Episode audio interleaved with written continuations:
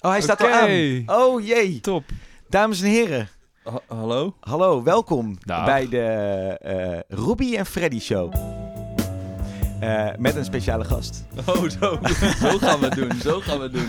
Je bent Eh, toch niet helemaal U volwaardig. kent de Robbie en Freddy Show waarschijnlijk als de inhoudelijke grote broer van de eh Rudy en Freddy Show. Ehm, hè, eh, eindelijk is Rutger eh, het land uit. Dus eh, kunnen we even op de, eh, op de dingen ingaan. Ja. Ehm, Hij beschreef deze podcast overigens als een dolk in zijn rug. Ja, Ja, want hij eh, het was, oh, zonder zijn medeweten is er gewoon een nieuwe Rudy en Freddy show, of Robbie en Freddy show gepland. ja, Daar was hij het toch niet mee eens. ja.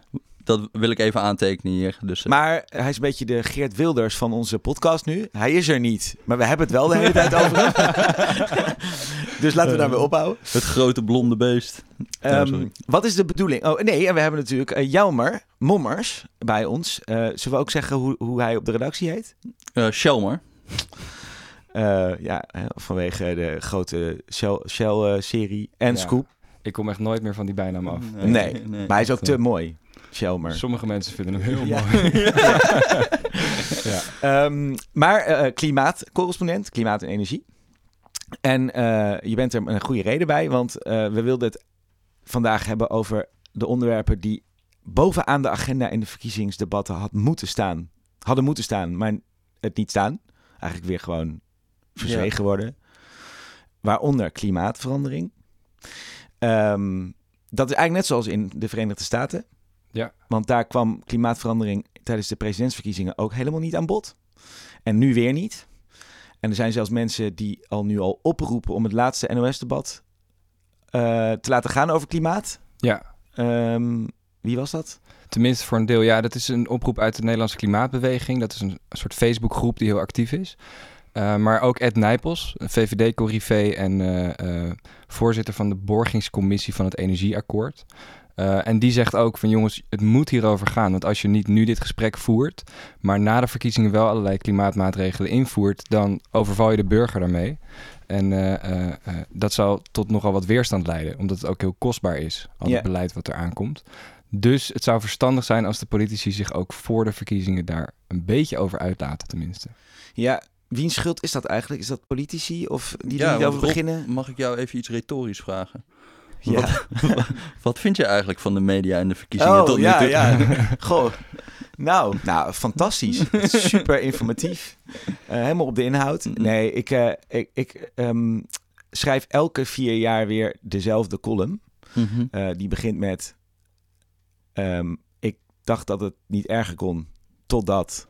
En dan vul een debat in. En wat is nu de totdat?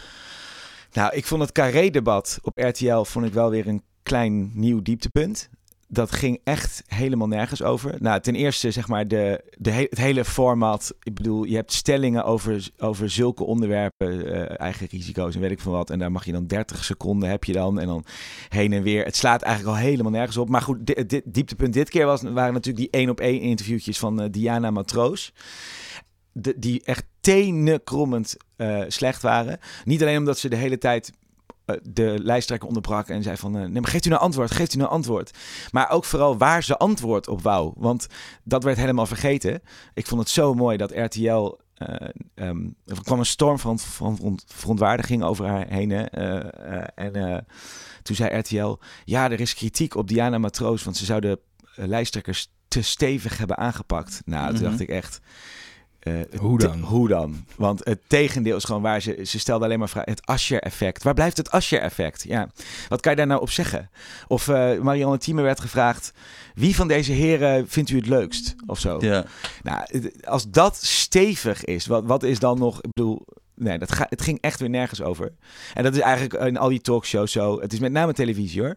Kranten zijn wel iets eh, beter. En waar komt dat vandaan?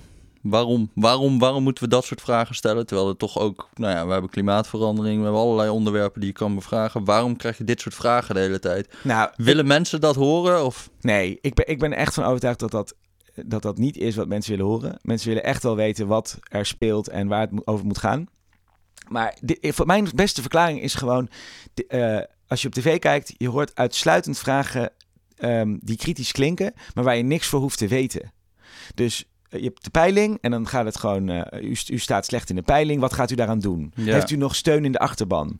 Dat, dat Mhm. klinkt kritisch, want eh, ja, het is een beetje moeilijk, ongemakkelijk, maar je hoeft er niks voor uit te zoeken. Je Eigenlijk niet- zou Ronald Waterreus dat ook prima kunnen doen. ja, ja, dit lijkt heel erg, het lijkt heel erg op die analyses van eh, voetbalwedstrijden. eh, waarbij je dus gewoon een beetje op, op eh, kan afgaan op wat je zag. Zo van, eh, nou, dit was een Schwalbe en dit was een terechte penalty of een onterechte penalty. En ja, het is eigenlijk gewoon een kwestie van smaak of wa- waar je op uitkomt. Maar je hoeft niks uit te zoeken. Dat vond ik ook mooi. Daarna gingen ze het hebben over wie de winnaar van het debat Oh, was. dat is en, dan, en, dan, en dan zo de tekst erbij. Even los van de inhoud. Even Punt, los van punt, de punt. inhoud, ja. Ik zei, ja, eh, oké, ja, even los van de inhoud. Ja, en het mooiste was ook nog, want dan zie je ook nog eens dat ze ook gewoon geen kaas hebben gegeten van wiskunde. Want er waren acht lijsttrekkers. En ik geloof dat Jesse Klaver de winnaar was met ongeveer 1 achtste van de stemmen. ja, ja, ja, Dus, ja. Maar dat was dus eigenlijk niet echt een winnaar, want de, de anderen kregen min of meer dezelfde percentages. Ja, Dus ja, en het lag allemaal in Het de allemaal- foutmarge ook. Hè? Het Dus, lag allemaal in eh, de foutmarge, dus er was helemaal geen winnaar. Ja. En dat kan je ook wel begrijpen, want eh, je kijkt naar het debat en je vindt gewoon op grond van iemands eh, stellingname of partijkleur of wat dan ook, vind je iemand goed. Dus ja, je gaat niet opeens als je GroenLinks stemt, de, eh, ehm, VVD, tot, de ja. VVD eh, tot winnaar eh, bombarderen. Dus het is, Maar, nee, ja. het Ik denk ook dat de politici zelf het echt dolgraag ergens anders over zouden hebben. En niet die stellingen die sowieso ook zo geformuleerd zijn dat je alleen maar kan verliezen in, Ja. in hoe je erop op. antwoordt. Denk ik ook. Daarom, maar dat is ook gewoon wachten. Ik snap ook niet dat als zo'n, als zo'n weet ik veel, zo'n Ascher of Roemer op deze manier wordt bevraagd, denk je dan toch van, ja, hou maar op, mevrouw eh, matroos. Het gaat nergens over. Ik Nee, wil het ik- hierover hebben. Waarom zou je dat niet gewoon zeggen? Ik vraag me Van het. Ascher-effect, donder op, zeg. Ja, ik, Wat ik wacht ook echt nog steeds op een po- politicus die zegt, eh, sorry, volgende vraag. Ja, Dit, hier gaan we niet eh, de tijd aan, aan eh, verdoen. Ja. Maar goed, oké. waar dan gaan we onze tijd wel aan waar verdoen? gaan we onze tijd wel aan verdoen? Nou, dat is klimaatverandering. Want, ehm Jelmo. wat, wat moeten we dan, eh, waar moeten we dan op stemmen als we echt iets willen doen aan klimaatverandering? Of waar moeten we vooral niet op stemmen? Ja, goede vraag. Nou, ik heb gekeken naar, eh, voor een stuk dat nu binnenkort online komt, ehm, eh, gekeken naar hoe de partijen hebben gestemd de afgelopen jaren op dit onderwerp en, en wat ze in hun verkiezingsprogramma's zeggen. En dat is ook doorgerekend door bijvoorbeeld het PBL. Niet verwarren met het CPB. Eh, Wat is het PBL? Planbureau voor de Leefomgeving. En die doen echt heel goed werk op, om te laten zien wat de milieueffecten van het beleid zijn. En eigenlijk, of je nou kijkt naar hoe ze stemmen, wat ze in de partijprogramma's zeggen, of hoe de cijfers zeg maar spreken, in alle drie de gevallen kom je erop uit dat het slechtste wat je kan doen voor het klimaat is stemmen op de VVD. Mhm. Het is echt, echt gênant. Ik heb gekeken hoe ze hebben gestemd in de Kamer en ze eigenlijk vrij consequent alle ambitieuze klimaatmoties die worden ge- geïntroduceerd vanaf links, bijvoorbeeld door de Partij voor de Dieren of door D66 of door GroenLinks. De VVD is gewoon altijd tegen. En we noemen eens een paar. Wat, waar moet je dan aan denken? Wat is een ambitieuze klimaatmotie? Nou, het begint bijvoorbeeld met hele simpele vragen. Bijvoorbeeld GroenLinks of D66 dient een motie in met de vraag aan de regering om te onderzoeken eh, hoeveel het zou kosten als de kolencentrales sluiten. En Mhm. hoeveel CO2-winst dat zou opleveren. Dat is dus geen controversiële vraag. Hè? Dat is gewoon een vraag van hoeveel zou... Onderzoek dat We hebben tenminste. informatie We nodig. hebben informatie nodig. Ja. En dan, eh, daar zie je dus gewoon dat eh, partijen als de PVV, CDA en VVD tegenstemmen. Dus die hebben kennelijk geen interesse in die informatie. Of die denken, onze minister, hè, de VVD-minister Henk Kamp, die hiervoor verantwoordelijk is, die zoekt dat zelf wel uit. Dat, Mhm. Ik weet hun mo- motivatie niet precies, maar goed, ze stemmen tegen. Andere moties die iets verder gaan, die vragen bijvoorbeeld... voer de belasting op die kolencentrales op of sluit ze. Die En kwam er is- toch ook bijna, een kolenbelasting of zo? Kolenbelasting, ja, die is er en daar zijn de centrales dan van vrijgesteld. Nou, daar wordt een beetje mee gegoocheld. Oh, ja. Ehm, maar er is ook in eh, eind vorig jaar is er een motie aangenomen waarin gewoon werd gezegd die centrales moeten sluiten. In lijn met wat er is afgesproken in Parijs. Mhm. PvdA heeft die motie geïntroduceerd. Die heeft het gehaald omdat alle andere partijen dat steunden. Behalve eh, VVD, PVV en CDA. Dus Ja, een want- van de conclusies maar- van mijn onderzoek is dus dat, die, dat PVV, CDA en VVD consequent eh, zich inzetten voor het openhouden van de kolencentrales. Nou, dat is echt En je hoort Ja. wel steeds meer ook van dat er dan een soort groen rechts begint te komen. Dus dat eh, bijvoorbeeld, je noemde net al Ed Nijpels. Die is, die is dus volgens mij wel echt een beetje eh, toen. Back in the days ook al in de jaren negentig en zo. Maar die is wel een soort groene rechtse politicus. Maar dat zie je nog niet echt terug dan bij de VVD. Dat ze, vroeger waren ze klimaatskeptici en zo. Daar zijn ze toch wel een beetje vanaf. Daar zijn ze redelijk vanaf. Al is op het laatste partijcongres nog wel door een eenzame klimaatskepticus binnen die partij. Die heeft voor elkaar, voor elkaar gekregen dat er een eh, formulering uit het programma is gehaald over de gevolgen van klimaatverandering. Dus klimaatskeptici hebben niet nul invloed binnen de VVD. Mhm. Maar inderdaad, die partij erkent de gevaren wel. Alleen als je kijkt naar hoe ze zich gedragen, dan blijkt dat, dan is het kennelijk nog niet echt doorgedrongen. Nee, want de eh, PVV is de enige partij volgens mij in de Kamer die echt klimaatverandering ontkent. Ja, er is ook nog wel een motie geweest een paar jaar geleden waarin eh, ik geloof van Klaveren toen zei van laten we stoppen met dit beleid, want de mens heeft een verwaarloosbare invloed op de opwarming. En dan was de PVV de enige die die motie steunde. Juist. Eh, dus de VVD is niet klimaatskeptisch in die zin dat ze het probleem ontkennen of eh, zelfs bagatelliseren. Maar in hun handelen zijn ze dat wel.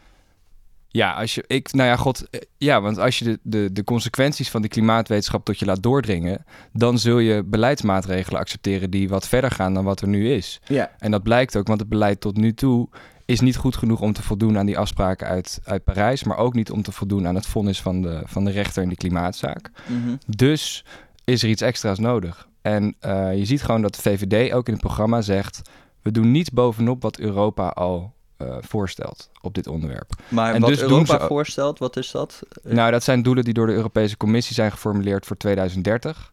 maar gaan we eh, die halen?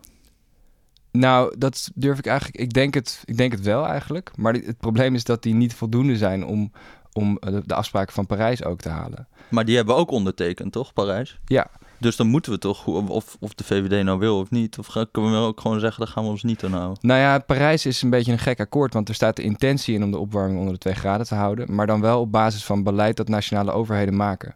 Dus Hm. als je als overheid niet jouw aandeel doet, ehm, eh, dan is er in principe, ja, wie gaat jou dan straffen? De Verenigde Naties kunnen dat niet doen. Mhm, Eh, de rechter kan het wel doen, dat hebben we gezien in de klimaatzaak. mhm. Maar, en, maar de VVD onderschrijft wel het klimaatakkoord in Parijs, toch? Zij Ja. zeggen dat, dat ze daaraan willen voldoen. Ja, alleen ze zeggen, en de uitvoering daarvan, dat doet Europa. Maar als je nou kijkt naar die doorrekening van het Planbureau voor de Leefomgeving, wat zeggen die dan over die VVD-plannen? Nou, die zeggen dus, dat noemen ze dan het basispad. Dat betekent dus dat VVD niets extra's doet dan wat er al bedacht is in Europa tot nu toe. En wat er al is afgesproken in Nederland de afgelopen jaren. Dus met de VVD schiet je gewoon, eh, wat dat betreft, kom je geen stap verder. Maar ze pleiten bijvoorbeeld wel voor eh, investeringen, ik geloof meer dan 6 miljard tot 2020 in nieuw asfalt. Nou ja, Mhm. dat en ze pleiten dus niet duidelijk voor sluiting van die kolencentrales. Dus als je gewoon terugkijkt naar wat dat dan betekent, dan ben je met de VVD niet goed uit eh, voor klimaat. Oké, en als nu het plan Jelmo, er moeten gewoon, weet ik veel, drie, drie punten om, om, om hier echt iets aan te doen aan klimaatverandering. Wat zouden we moeten doen? Nou ja, die kolencentrale sluiten is een no-brainer. Ja, Eh, volgens mij, en heel veel partijen stellen dat ook voor, je zou hele substantiële maatregelen kunnen nemen om energie te besparen. Zowel in de industrie als in de gebouwde omgeving. dus wat denk denk je dan aan het isoleren van woningen? Isoleren van woningen of beter nog eens energie-neutraal maken en zonnepanelen op het dak, zodat eigenlijk iedere woning een kleine energiecentrale wordt. Ja, En dat is gewoon, dat levert geld op. Dat is, als, het goed, als je het goed doet, is het comfortabeler wonen. Eh dat levert klimaatwinst op. En dat is gewoon, het is een grote duurzame verbouwing van Nederland. en hoe zou je dat doen? Gewoon een soort, zo, zoals in Duitsland een hele grote subsidieregeling geloof ik hebben. ja, Dat- maar je kan ook sturen met bijvoorbeeld eh, eh, een verplicht label. Dus als je Mhm. een- je huis gaat verkopen, dan, moet je, dan zou je zeg maar moeten investeren zodat er een bepaalde. Zo- dat je een bepaald label haalt over hoe zuinig je huis is. Dat heeft GroenLinks geloof ik in zijn programma, toch? Dat Ja, het dat allemaal energielabel B moet zijn. of zo. Precies, precies. ja, ja. En bijvoorbeeld ook D66 die wil 100.000 nieuwe energie-neutrale woningen bouwen. Mhm. Dus de meeste partijen aan de linkerkant Maar daar zet dat plannen zo voor. aan de dijk? Want eh, in termen van wat we moeten bereiken, eh, wat, kan je daar een percentage aan hangen? Zo van nou, de besparing en, en, en die plannen die er nu liggen om nie- 100.000 woningen en dat soort dingen. Ja. Hoeveel procent scheelt ons dat? Nou, heel erg grofweg is volgens mij energiebesparing überhaupt... kan ongeveer 1 vijfde behalen van wat er nodig is eh, überhaupt. Mhm. Dus, maar dan heb ik het ook over energiebesparing in de industrie bijvoorbeeld. Ja. En de grap daarvan is natuurlijk dat iedereen zal zeggen... ja, energiebesparen in de industrie, dat moet je doen. Want dat levert geld op, ook voor het bedrijf in kwestie.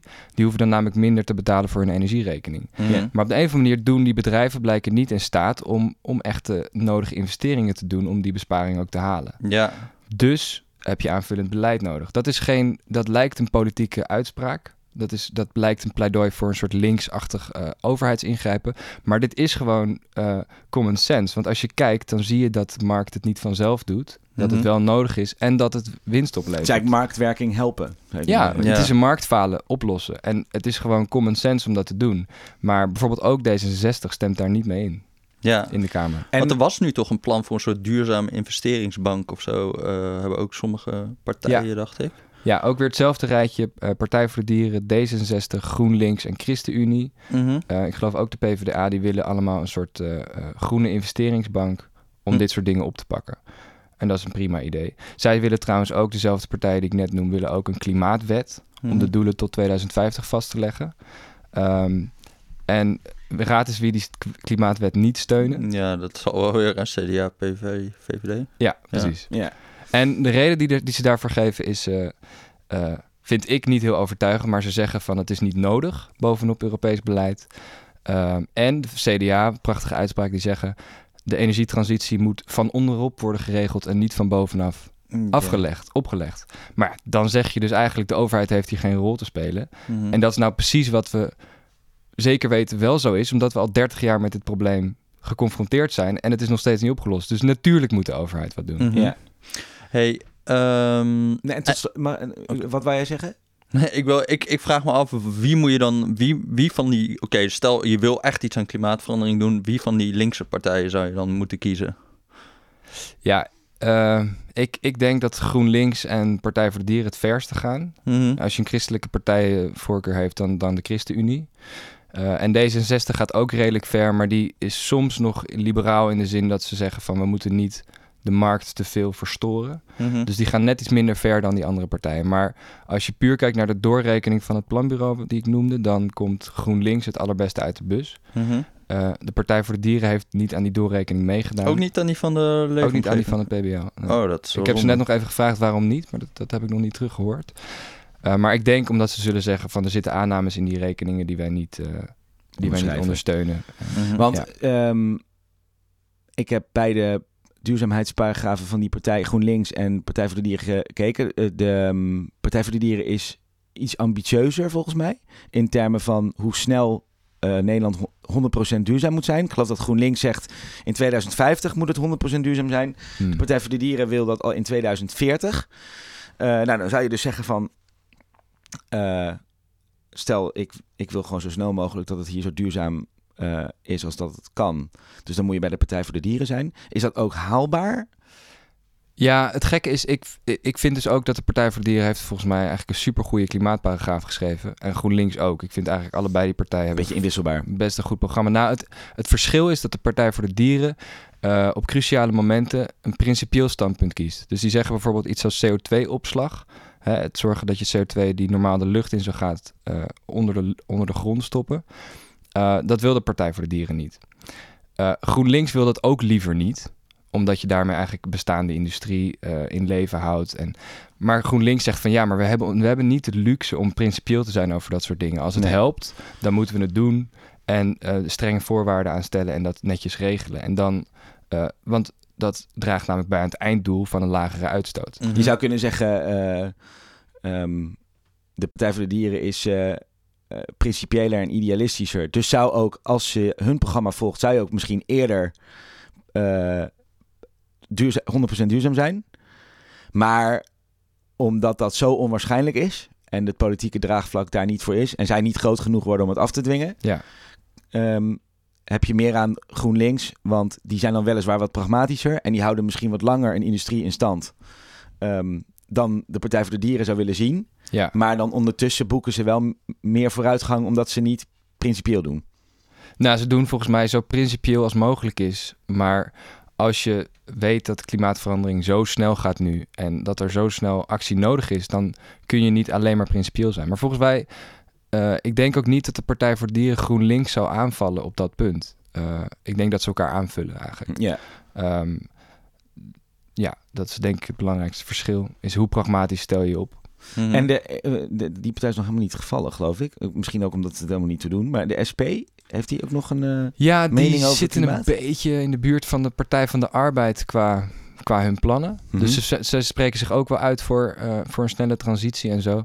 Alleen ehm, in beleid, volgens die doorrekening van het PBL, eh, eh, is dat niet super indrukwekkend. Nee. Maar dat komt misschien ook gewoon omdat ze niet eh, niet de meest gedetailleerde plannen hebben gemaakt of iets Mhm. dergelijks. Ik denk eigenlijk dat als je samenwerking op links zou hebben van SP en die partijen, die groene partijen, eh, dan zou je denk ik een heel eind komen. Ik denk niet dat zij onderling ruzie krijgen over dit soort dingen. Ja. En eh, dus zo- zoals je het eh, ehm, laat samenvatten, ehm, GroenLinks is handig om in de regering te hebben op het gebied van klimaat, want die krijgen dingen voor elkaar. Daar zijn ze pragmatisch genoeg voor. En dan gaat het het snelst vooruit.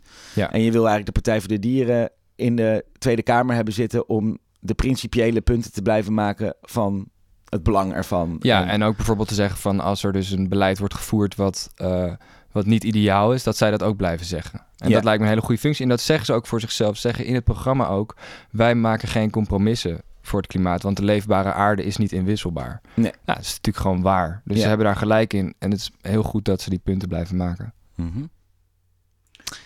Oké, oké. Nou, eh, ik, het lijkt me duidelijk. Ehm, dan is er nog een onderwerp wat heel weinig aan bod komt. Eh, daar wint jij al een tijdje over op, eh, Jesse. Ja, ja, ja, ja. ja. Eh, behoorlijk zelfs. Nou, eigenlijk pas de afgelopen dagen echt behoorlijk. Ja. Want ik was bij een bijeenkomst van, van de, de serie Schuldig. En die, die zijn ook hier in de podcast geweest, de makers. Ja. En nou, die serie heeft echt een enorme indruk op mij gemaakt. Ik, ja, ik wist gewoon niet dat dat allemaal in Nederland zo erg was en dat dat allemaal gebeurde. En ik kan iedereen aanraden nogmaals om die serie te zien. Het gaat over schulden in Nederland en hoe we eigenlijk een soort hele bizarre industrie hebben opgebouwd. eh, waardoor mensen met schulden een soort verdienmodel zijn geworden in Nederland. En eh, hoe lastig het is om daar weer vanaf te komen. Ja. En ehm, ik was dus op, eh, op de slotmanifestatie van Schuldig. En daar, eh, daar was ook een debat met allerlei Kamerleden. Eh, en die, nou, daar werd ook beaamd van het heeft, is eigenlijk hier over dit onderwerp is helemaal niet aan bod gekomen in verkiezingsdebatten. En in één keer waren al die Kamerleden die waren helemaal tegen, tegen nou, bijvoorbeeld het stapelen van boetes. En Jetta Kleinsma die zei, we hebben deze kabinetsperiode heel veel gedaan voor de schuldenaar. We hebben de beslagvrij voet, daar vertel ik straks nog wel wat over. Maar dat hebben we allemaal geregeld. En ik zat er en ik, had, ik ben nu ook net zoals maar net bezig met zo'n stemadvies voor wat moet je nou doen als je hier iets aan wilt doen. En het is gewoon zulke volslagen onzin. Ze hebben al de afgelopen jaren, hebben ze na motie na motie, heeft de PvdA tegen, tegen het afschaffen van bepaalde boetes voor te laat betalen gestemd. En daar staan ze dan op zo'n podium allemaal goede sier te maken. En eh, nou ja, ik zei dat ook toen ik die column voorlas. Van ja, ik snap niet hoe jullie dat kunnen. Gewoon nu hier eh, zeggen dat je in één keer eh, die boetes wil afschaffen. Als jullie vorig jaar, je hebt een half jaar geleden, heb je nog tegengestemd. Ja. En nou ja, na afloop kwam ook nog zo'n eh, D66-Kamerlid kwam op mij af van... oh, oké, ja, ja, welke motie was dat dan waar je het over had? Ik zal heel even uitleggen trouwens waar het dan over gaat. Dus je hebt bijvoorbeeld in Nederland met zorgverzekeringen... Ehm, als je meer dan zes maanden je zorgpremie niet betaalt, dan krijg je een boete van 30% erbovenop. Dus je, eh, normaal moet je 100 euro zorgpremie betalen, dan moet je 130 euro zorgpremie betalen. Eh, nou zou je denken van oké, die mensen kunnen blijkbaar die 100 euro al niet betalen. Dus waarom zouden ze dan wel 130 euro betalen? Dat denk ik dan gelijk. Maar voor de volledige Tweede Kamer was dat eigenlijk, die, die hebben daarmee ingestemd met die wet, omdat dit wanbetaling zou moeten tegengaan. Nou, dat is, ik geloof in 2009 allemaal gebeurd. Dan zijn we eh, zes, zeven jaar verder. Er zitten 300.000 mensen in die regeling. Die betalen dus 130% zorgpremie. En die, eh, daarvan zitten al 180.000 mensen zitten er al meer dan twee jaar in.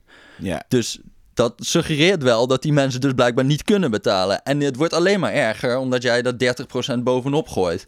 Ja. Dus er zijn eigenlijk al sinds 2009 motie na motie geweest van... oké, moeten we dit matigen? Moeten we dit geld aanwenden om betalingsachterstanden eh, op te lossen? Moeten we dit geld aanwenden eh, om ehm armoedebestrijding? En dan een half jaar geleden ook nog een motie van... moeten we die boete niet helemaal afschaffen? Wie, wie, wie, wie, wie vragen die dingen? Wie, Eh, die verschilt, moties in? maar in de eerste periode waren allemaal SP... en de laatste motie was van GroenLinks, van Linda Voortman.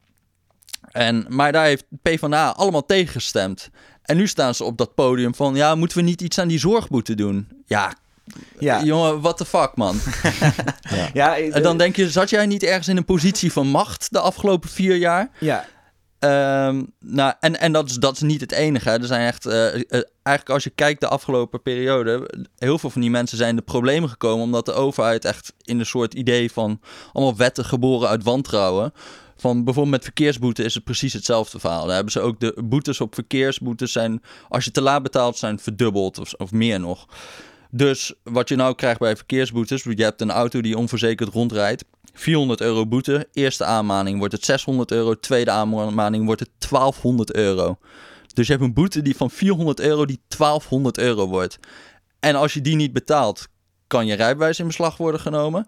En als uiterste consequentie, en je zou je nog verbazen hoe vaak dat voorkomt, word je gegijzeld door de overheid. Dus word je, kom je gewoon in de gevangenis terecht. En er zijn uh, in 2013 122.000 verzoeken tot gijzeling gedaan. Nou ja, dat meen je niet. 122.000. We hadden, we hadden nu, Joris Luindijk, die heeft, een, heeft nu uh, dat hij praat met allerlei mensen die PVV gaan stemmen. Die vertelde dus ook, hij had zo'n verkeersboete voor een onverzekerde auto die hij probeerde te verkopen. Want zo hij geïnterviewde. Had, niet ja, zo geïnterviewde. Ja. ja. Die probeerde zijn auto te verkopen. Uh, en die was onverzekerd, want hij had geen geld. Want hij was net uh, ontslagen. Uh, en toen kreeg hij dus zo'n boete. Maar dat kon hij helemaal niet betalen, die 400 euro, want hij had geen geld. Dus kreeg hij de eerste aanmaning. Hij vertelde ook later in zo'n reactie van... ja, elke keer als ik dan het geld bij elkaar was, was hij alweer hoger. Ja. Dus uiteindelijk zit hij dan met een boete van 1200 euro. En toen zei hij, ik ben van straat geplukt en uh, kwam ik in de gevangenis terecht bij allemaal drugscriminelen. Ja. En nu, nu stemt hij op Geert om als breekijzer te dienen. En dit, ook deze wetswijziging, hele Tweede Kamer was ervoor. Die, dus wet, die, wet, die wet die heet enkele technische verbeteringen aan de wethandhaving, weet ik veel wat. En dit is gewoon, het is gewoon een, een, een, bijna een hamerstuk. Weet je, er wordt gewoon niet, eens, niet eens over nagedacht van dit moeten we doen. Ze vragen alleen maar van levert dit wel de efficiëntievoordelen op die, eh, die beoogd worden? Nou, die, uh, die PVV-stemmer, uh, eh, die noemde Geert Wilders de blonde bijl. Maar je kan dus eigenlijk beter zeggen de blonde hamer. Ja, ja, ja. want hij hamert het gewoon af. Ja, ja want dat, dat, is nog, dat is natuurlijk ook het, het hele schrijnen. Als er één partij is die scheid heeft aan de schuldenaar, dan is het wel de, de PVV. Die, die hebben zelfs tegen een motie voor incasso met oog voor de menselijke maat ge, gestemd. Ja, dan denk je van, nou, dat is zo'n vage, vage motie. Tegen kan. Tegen, ja, ja. tegen dat is zo'n vage motie, dan mag iedereen het wel mee eens zijn. Maar VVD en PVV zien toch nog kans om dat dan ook nog uh, helemaal niks ja. te vinden. Ja, dat soort dingen zag ik bij klimaat ook. Dat je denkt van, hé, maar dit, hier hoef je niet per se tegen te stemmen. Ja, onderzoek gewoon, naar iets. Ja, laat het onderzoeken of, of uh, uh, doe iets schappelijks. En dan toch tegenstemmen. Dat heeft me ook echt verbaasd toen ik dit aan het onderzoeken ja. was. Ja, ja, ja, Echt, echt, van die, echt van die moties. Dat ook nog iets met die beslagvrije voet bijvoorbeeld. Hè? Ja, wat is dat? Moet je even uitleggen. Oké, okay, ja. nou klinkt heel technisch, maar het komt hierop neer. Zelfs als je uh, in Nederland heel diep in de schulden zit, dan mag er niet meer beslag worden gelegd dan 90% van de bijstand. Dus dat je toch nog wel iets te besteden hebt, anders hebben je kinderen niet te vreten en zo. Dus dat kan echt niet. Dat hebben we met elkaar afgesproken, dat je niet meer dan dat aan beslag mag leggen. Nou was die wet volslagen onuitvoerbaar geworden, omdat uh, we steeds meer deurwaarders hebben op één gezin. Dus vaak hebben we 14 schuldeisers, die schakelen 14 deurwaarders in, die van elkaar niet weten wat ze aan het doen zijn. En dat is nogal een complexe berekening om te, om te zien hoe, uh, waar iemand zit. En dan heb je ook nog de overheid, die allemaal speciale incassobevoegdheden heeft. Die bijvoorbeeld, als je een toeslag krijgt, mogen ze dat verrekenen met een schuld die jij al hebt. Waardoor je inkomen in één keer weer lager is, waardoor je onder die beslagvrije voet uitkomt. En de overheid heeft toen altijd gezegd van... Uh, ja, als je problemen hebt, dus je komt onder dat bestaansminimum, dan moet jij aangeven dat je onder het bestaansminimum bent gekomen als schuldenaar. En dan storten we terug. Nou, totaal hopeloos. Dus, dus, dus iedereen die zit hier al zes, zeven jaar, die in die schulden, uh, schuldhulpverlening zit, zit al te zeggen: dit kan niet, dit moet anders, dit kan niet, dit moet anders. Uh, sinds 2012 allerlei moties over. PvdA, VVD steeds tegen. Willen we niks aan doen. We, PVV ook trouwens. Die willen, die willen dus niks doen aan illegaal incassobeleid van de overheid. Dus het mag, het mag eigenlijk niet, maar het is onuitvoerbaar. En zij zeggen, daar gaan we niks aan doen. Nu is die serie schuldig er en zo. En, nu is er wat meer, uh, heel veel aandacht voor gekomen. Ook de nationale ombudsman heeft rapport na rapport geschreven van dit kan niet. En dan uh, nou komt Jetta Kleinsma in één keer aan met een grote succes. De vereenvoudiging van de beslagvrije voet. Dat is echt het wapenfeit van deze kabinetsperiode. Dus wat al niet mocht, dat gaan we nu ook gewoon echt niet doen. Dat, is, dat is wat Jette Kleisma voor de school nou heeft gedaan. Nou ja, sorry, ik, dat is echt... Ja. echt misselijkmakend dat ze daar, dat ze daar dan zo eh, trots op zit. En vooral omdat de PV, PvdA dit gewoon vijf jaar heeft zitten blokkeren. Ja. Ja. Die heeft gewoon, daar- hier, gewoon niks, niks voor gedaan. Weet je waarom ze dat hebben gedaan? Nou, waarschijnlijk omdat ze in Ja. een kabinet zaten met, de VVD. Ja. Maar dan, dan vraag je je nog af: eh, van mag je niet een beetje politiek kapitaal verspillen om dit te regelen? Gewoon, er zijn gewoon echt, echt, echt honderdduizend mensen die hier gewoon eh, problemen mee hebben. Ja, die gewoon onder ja. een bestaansminimum terechtkomen. Bovendien, als je hierdoor ruzie zou krijgen met de VVD... en dat speel je uit in de media als Zo. PvdA zijnde... dan, Ja. dan win je toch alleen Dan maar. win je, win je grandioos in de beeldvorming Ja. natuurlijk, ja. Ja, alhoewel, kijk, dat is natuurlijk, ik bedoel, wij, wij hebben het hier over onderwerpen die eh, totaal niet aan de orde komen. En dat, daar hadden wij het ook al over, Jesse, van nou, klimaatverandering, dat is waarschijnlijk te ver weg, te abstract, te complex, Te links. te links, misschien ook nog wel. Eh, inderdaad, hè, de, mensen op, de mensen op straat hebben het niet over het, die hebben het over het weer, niet Ja. over het klimaat. Ja. Eh, dus daardoor komt het al niet aan de orde. Nou, dit, dit is ook zo'n onderwerp. Eh, armoede in zijn algemeenheid, mensen in schulden en dat soort dingen. Best wel een substantieel probleem. Ook nog heel veel kinderen in armoede en zo. Mhm. Het komt totaal niet aan bod. Het is gewoon niet sexy. Of weet jij waarom? Het is misschien Nou ja, nee, te het- technisch. Of Nou, maar je merkt ook gewoon dat bij die Kamerleden er gewoon een totaal gebrek aan kennis is. Er zijn wel uitzonderingen hoor, die zal ik straks ook nog wel even noemen. Maar bij. eh, ja, er komt er zo'n. Komt dus ook na die, na die heel die schuldig manifestatie. Komt er zo'n D66-Kamerlid komt naar mij toe van. Nou, wat leuk wat jij allemaal vertelde. En eh, welke motie was dat dan waar ik, eh, waar ik tegen had gestemd? Want eh, ik wist helemaal niet dat dit. toen zei ik, nou, ik heb hem hier voor me. Deze motie heb je tegengestemd. Oh, oh, oké. Nou, het kan ook iets te maken hebben met dat de taal van deze motie niet helemaal goed was. Toen zei ik, nou, er zijn nog drie moties hiervoor geweest die ongeveer hetzelfde zeggen. In verschillende maten hebben jullie ook allemaal tegengestemd. Oh, oké. nou, ehm, ja, wel leuk dat jij je hier zo in verdiept hebt, zeg. Ja, ja, ja. ja. En, Ja. en, dan, en, dan, en dan van echt heel knap dat jij dit allemaal weet. Nou, hoe lang ben ik er nou mee bezig? Een maand of anderhalve maand. Deze mensen interesseert dat gewoon niet. Daar Nee. scoor je niet op, omdat, ze daar, omdat niemand in de media vraagt hun naar van... Hey, jullie hebben verkeersboetes ervoor gezorgd dat dat van 400 naar 1200 euro kan Nee. oplopen. Waardoor 100.000 mensen in, in, eh, in zo'n boeteregime zitten. Ja. Nou, en wat hier natuurlijk ook een beetje achter speelt, ehm, daar hebben wij het wel vaker ook eh, op de redactie over, is gewoon Nederlandse Kamerleden zijn zo slecht ehm, eh, ondersteund. Mhm. Eh, en ze hebben, ik geloof dat in Duitsland heeft een parlementariër een staf van acht, negen man of zo, die alles regelt, dossiers bijhoudt, ervoor zorgt dat iemand, een Kamerlid, op de hoogte is bij een debat en zo. Mhm. Hier, geloof ik, is het één FTE per Kamerlid. Ja, Dus, eh, 0,7 of zo. of geloof ik nog 0,7, maar. ja. Zeker als je een kleine fractie bent. Hè? Dus eh, je hebt een paar zetels. Dan heb je als één, één Kamerlid heeft dan eh, milieu, huisvesting, armoedebestrijding, klimaat en sociale zaken in zijn portefeuille. Nou, dat slaat natuurlijk al nergens op. Ja. En dan heb je één stagiair. Eh, want dat zijn het vaak. Die dat dan voor jou moet bijhouden en zo. Dus ze weten Ja. helemaal niet waar ze op stemmen. nee. Ze weten de details van die moties helemaal niet. Ze weten de consequenties van de moties helemaal niet. Nee. Het is gewoon, en, ze, denk en ze dat- stemmen ja. partijlijn. Hè, dus eh, eh, iedereen, dit is de partijstandpunt, dus daar gaan we dan in mee. Ik denk dat een van de gekke gevolgen hiervan is dat, die, dat de meeste moties ook gaan over dingen die al in de media zijn. Ja, dus het versterkt zich zo. Ja, ook dat. Omdat ook Kamerleden de media gebruiken om, om zich te informeren over de onderwerpen die er kennelijk op dit moment toe doen. Ja, Overigens, veel van die moties die ik bekeek, vond ik, vond ik heel goed. Dus je ziet dat de professionals, zeg maar, de, de specialisten binnen de partijen, Mhm. die, die weten wel degelijk wat er gevraagd moet worden van de regering om verder te komen. dat is een mooi bruggetje, want Ah. dat kondigde jij net ook al aan. Ja, want- eh, eh, er zijn wel mensen in de Tweede Kamer die hebben verstand van zaken.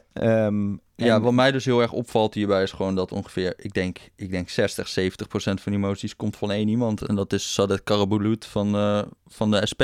ja. En die, die, dient dit, die dient al deze moties in. En, dan, en, en Carola Schouten van de ChristenUnie doet ook nog wel veel. Ja. Nou, Ja, die zitten er ook al heel lang. ja. En, en die, eh, die weten er blijkbaar wat van. En, en die zijn hier gewoon heel erg mee bezig. Ja, daar wordt sowieso vaker hoog van opgegeven. heb ik ook wel eens van andere Kamerleden gehoord. Die Carola Schouten, dat wordt echt als een eh, groot talent. eh, Ja, ja, ja. Ja, ja. Ja, is wa- waarschijnlijk bij heel veel mensen, zeker het grote publiek, is, zal zij niet bekend zijn. Want het is niet iemand die heel veel in de media wordt uitgenodigd. Maar ja, misschien ook omdat ze gewoon Ja, verstand dat het heeft van werk dingen. is. Omdat ze aan het werken is, Ja. precies. Ja, ja, ja, in ja. plaats van in de media. ja. Eh, eh, dus, Nou ja, en- dus als je dit belangrijk vindt, moet je vooral daar dus bij deze mensen zijn. ja. Eh, en bij klimaat, Eh, zijn er ook mensen waarvan je zegt, dat zijn echt de mensen waar Ja. je op kan bouwen? Ja, bij de ChristenUnie Carla Dick Faber. Ehm, bij, even kijken, D66 Stientje van Veldhoven. Ehm, Partij voor de Dieren Esther Ouwehand. Dat is het een beetje. Ja, GroenLinks, GroenLinks. gewoon... Wie heeft het daar? Oh, Lisbeth van Tongeren. Lisbeth van Tongeren. Ja. Die wilden ze wel van de lijst afkieperen, toch? Ja, maar die heeft zelfs een, zelf een campagne gevoerd om zichzelf op de lijst te houden. en dat is, Dat daar is gelukt. geslaagd. Ja.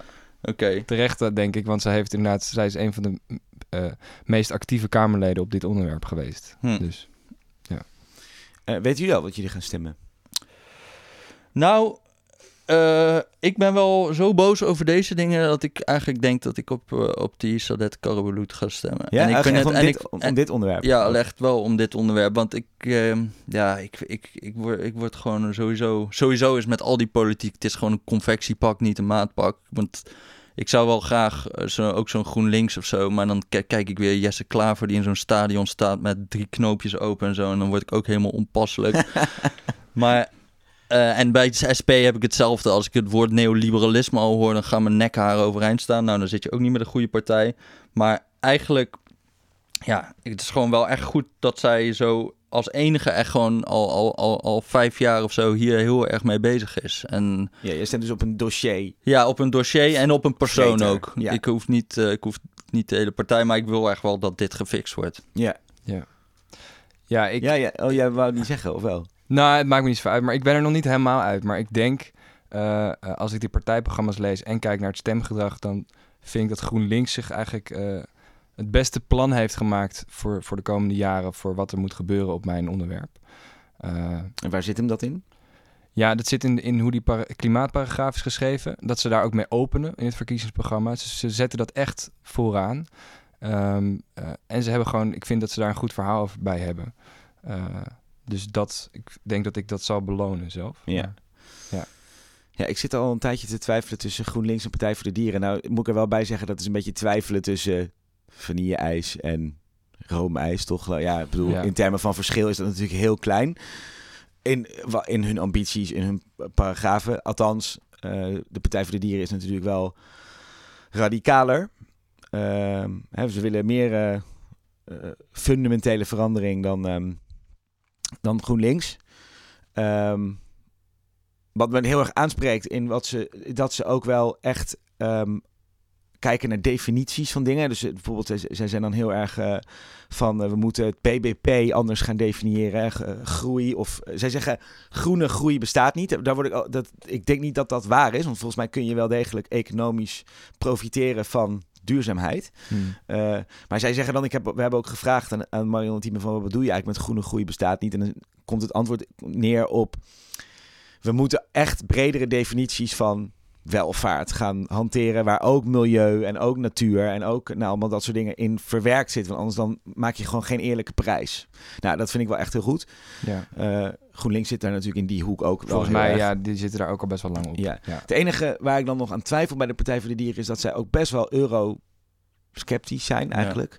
De Ze hebben het engelenvleugel van... Ja, de Ewald Engelenvleugel. Ehm ben ik eigenlijk nog wel tot slot wel benieuwd wat, wat, wat jij dan zou adviseren. Want bijvoorbeeld, eh, Jesse. Want bijvoorbeeld, ehm, eh, zij, zij zijn eurosceptisch in de zin van, eh, eh, ze, ze vinden dat de EU eigenlijk, nou ja, mislukt is wel een groot woord, maar ze vinden er meer mis mee dan goed aan. De EU of de euro? Beide.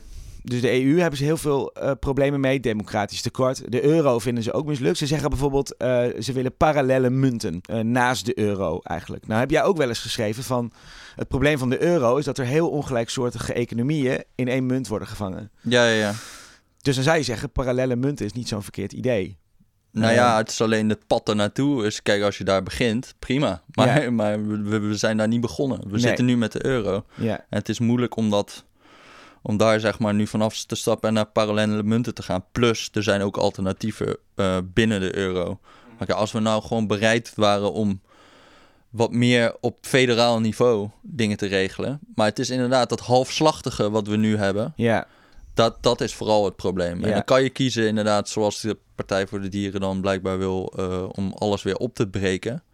Maar ik zou dan toch proberen om wat meer juist alles op federaal niveau te gaan regelen. Ja. En uiteindelijk gewoon net zoals de Verenigde Staten, daar is, daar is er een federale AOW, een federale eh, werkloosheidsverzekering.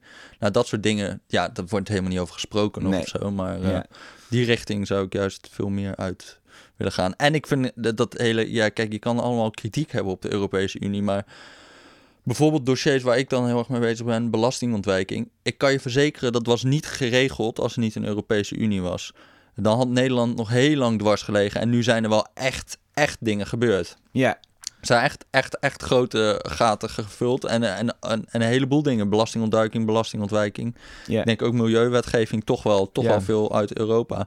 En ik, heb al, ik deel al die kritiek over het democratisch tekort wel, maar ik eh, vraag Ja. me af wat.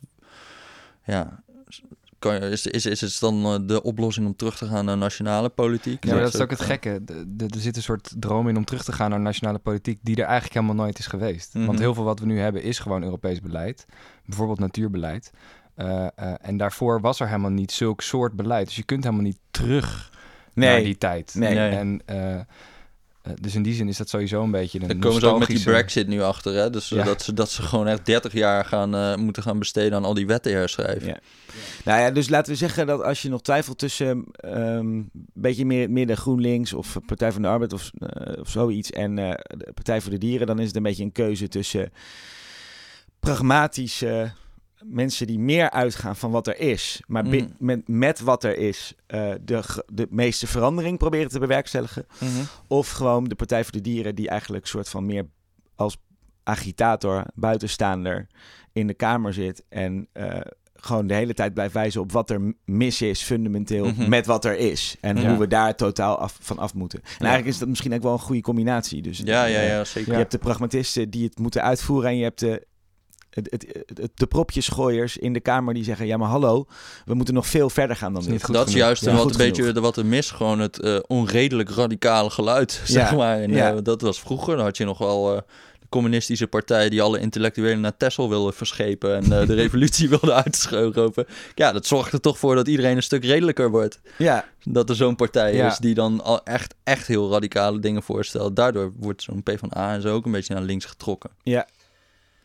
Het raan van Overton. Ja, precies. Zo die, heet ja, dat, ja, ja. Zo heet dat toch? Ja, je de- moet eerst radicaal zijn eh, voordat je o- ooit geaccepteerd wordt, als Ja. normaal.